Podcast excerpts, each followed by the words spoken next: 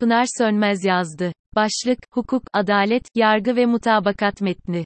Türkiye'nin geleceği için, güzel ülkemizin hukuku, adaleti, yargısı ve en nihayetinde toplumsal mutluluğun, huzurun, adil hayatın gerçekleşmesi için belirleyici bir dönem içindeyiz. Hemen söyleyelim, çok önemli bir tarihsel belge sıfatıyla 244 sayfa, 2300 vaat içeren, ortak politikalar mutabakat metni, hukuk açısından memlekete ve evrensele sunulan iyi, tutarlı, yerinde bir hükümet programı önermesidir. Metinde 9 ana başlık mevcut. Olması gerektiği gibi ilk başta hukuk var, neden? Çünkü anayasal düzen, kuralların, şeffaflığın, hesap verebilirliğin işlediği devlet mekanizmasını olduğu gibi halkın, üreticinin, yatırımcının, tüm toplumun yarınlarını planlayabildiği, öngörebildiği nizamı da tasvir eder. Anayasanın ikinci maddesinde, Türkiye Cumhuriyeti'nin bir hukuk devleti olduğu yazılıdır. Anayasanın dördüncü maddesinde ise ikinci maddede yer alan niteliklerin değiştirilemeyeceğine hükmedilir. Bu durumda, teklif edilmesi bile yasak olan anayasal kavramların tam anlamıyla uygulanması, hukukun tüm kurum ve kurallarıyla geçerli olması ve tüm vatandaşların devlete güven hissetmesi esasına bağlıdır. John Locke'un özgürlük tanımında hasıl olan ve Thomas Hobbes'un Leviathan'ın da inşasını anlattığı çağdaş devlet biçimlenmesinde yasanın olmadığı yerde özgürlük de yoktur.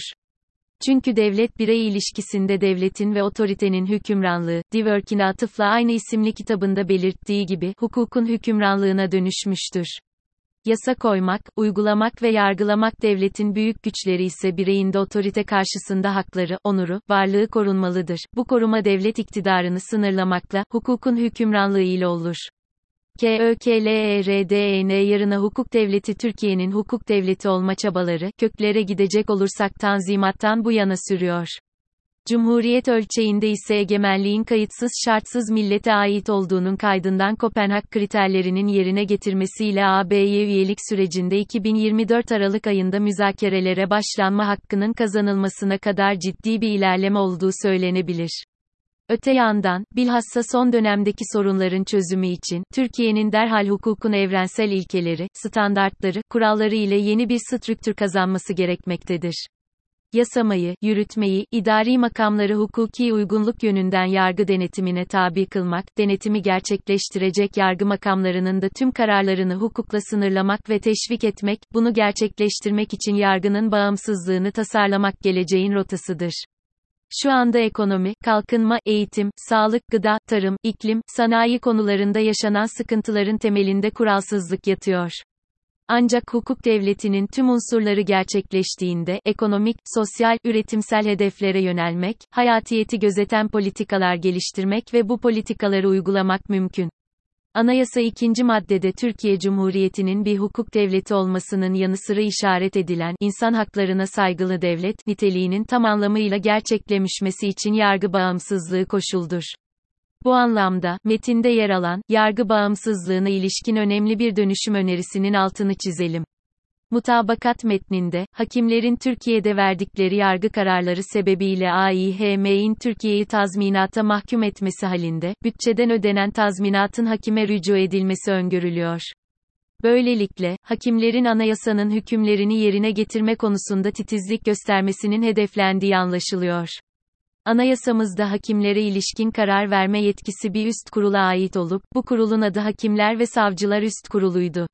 2017'de yüksek ibaresi kalktı ve bu değişiklik üye kompozisyonunu bir ölçüde değiştirdi. Adalet Bakanı, kurulun başkanıydı ve müsteşar doğal üyesiydi ki bu durum halen varlığını koruyor. Yargı bağımsızlığı gereği siyasi tercihlerin olmaması gereken bir kurulda 13 üyenin altı, sını Cumhurbaşkanı, kalan 7 üyeyi ise Türkiye Büyük Millet Meclisi seçiyor ki söz konusu işlem, nitelikli çoğunlukla gerçekleşmiyor. Mutabakat metninde hakimler ve savcılar için iki ayrı kurul öngörülüyor.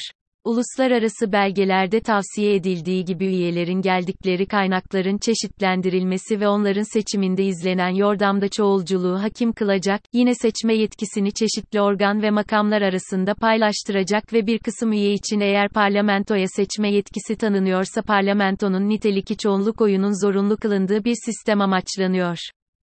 Nokta. Bu hedef, yargı bağımsızlığını ve bu statünün gereğini teminen mantıklı ve dikkat çekici. Devamla, mutabakat metninde yer alan, hukuk, adalet, yargı, başlığındaki maddeleri, temel hak ve özgürlükler çerçeve önerisi niteliğiyle kaydedelim.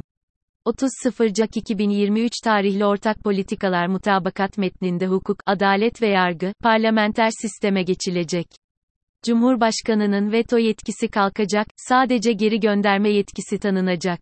Cumhurbaşkanı kararnamelerine son verilecek. Cumhurbaşkanı 7 yılda bir dönem seçilecek, partiyle ilişiği kesilecek, görev sonrasında aktif siyasete dönemeyecek.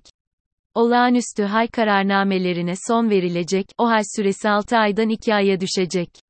Seçim barajı %3'e düşecek. En az %1 oy alan siyasi partiler hazine yardımından faydalanacak. Parti kapatma davalarının açılmasında TBMM izni zorunlu olacak. Mutabakat metnindeki diğer başlıkların HUKUKLAİLİNTİSİ yolsuzlukla mücadele, şeffaflık ve denetim başlığında da siyasi etik kanunu çıkarılması gibi pek çok madde hukukla ilişkili. Cumhurbaşkanlığının Çankaya Köşkü'ne ve Merkez Bankası'nın İstanbul'dan Ankara'ya taşınması, Cumhurbaşkanlığı envanterindeki uçakların satılarak orman yangınları söndürülecek bir filo kurulması, Kanal İstanbul'un iptali, kamuya personel alımında mülakatın kaldırılması, bağımsız sanatçılara sosyal güvence ile emeklilik hakkı ve İstanbul Sözleşmesi'ne dönülmesi hususlarının yanı sıra daha pek çok husus elbette tamamen hukukla ilgili. Zira kuralsızlığı aşmak, hep birlikte ortak menfaatin hukukta olduğunu idrakle sağlanacak. Adil gelecek, hukuka ve hukukun üstünlüğünün yerleşik kılınacak bir kültür yordamı olarak yönetimsel, yargısal, toplumsal varlığına bağlı. Söylenecek hakikatler, heyecan duyulacak yenilikler ve adil bir hayat için coşku zamanı. Tüm bunlarla birlikte elbette eklenecek madde önerilerimiz var ve olacaktır. Metnin hakkını teslim etmekle birlikte, amaçlanan hukuk reformunda laiklik ilkesine vurgunun daha fazla olması ile ülkenin üretimsel ve yaratıcılık gücünün yasal temelinin daha da kuvvetlendirilmesi gerektiği kanısındayım. Bu aşamada, ekonomi başta olmak üzere neredeyse tüm başlıkların uygulamasının ancak hukukla olacağını belirtmek elzemdir. Yukarıda da zikrettiğim anayasa hukukçusu ve felsefeci Ronald Dworkin diyor, hukuk imparatorluğu egemenlikle, güçle veya usulle değil tutumla tanımlanır. Hukukun sergilediği tutum inşaidir. Evet, kurumu kurum yapan insan faktörüdür. Türkiye, demokrasisini ve bireysel özgürlükleri üst derecede koruyan bir ülke konumlandırmasını değerlendirmeli, öncelemeli, şekillendirmelidir. Bu anlamda mutabakat metni, dönüşüm talebinde yenilikçi, mühim ve sağlam bir adımdır.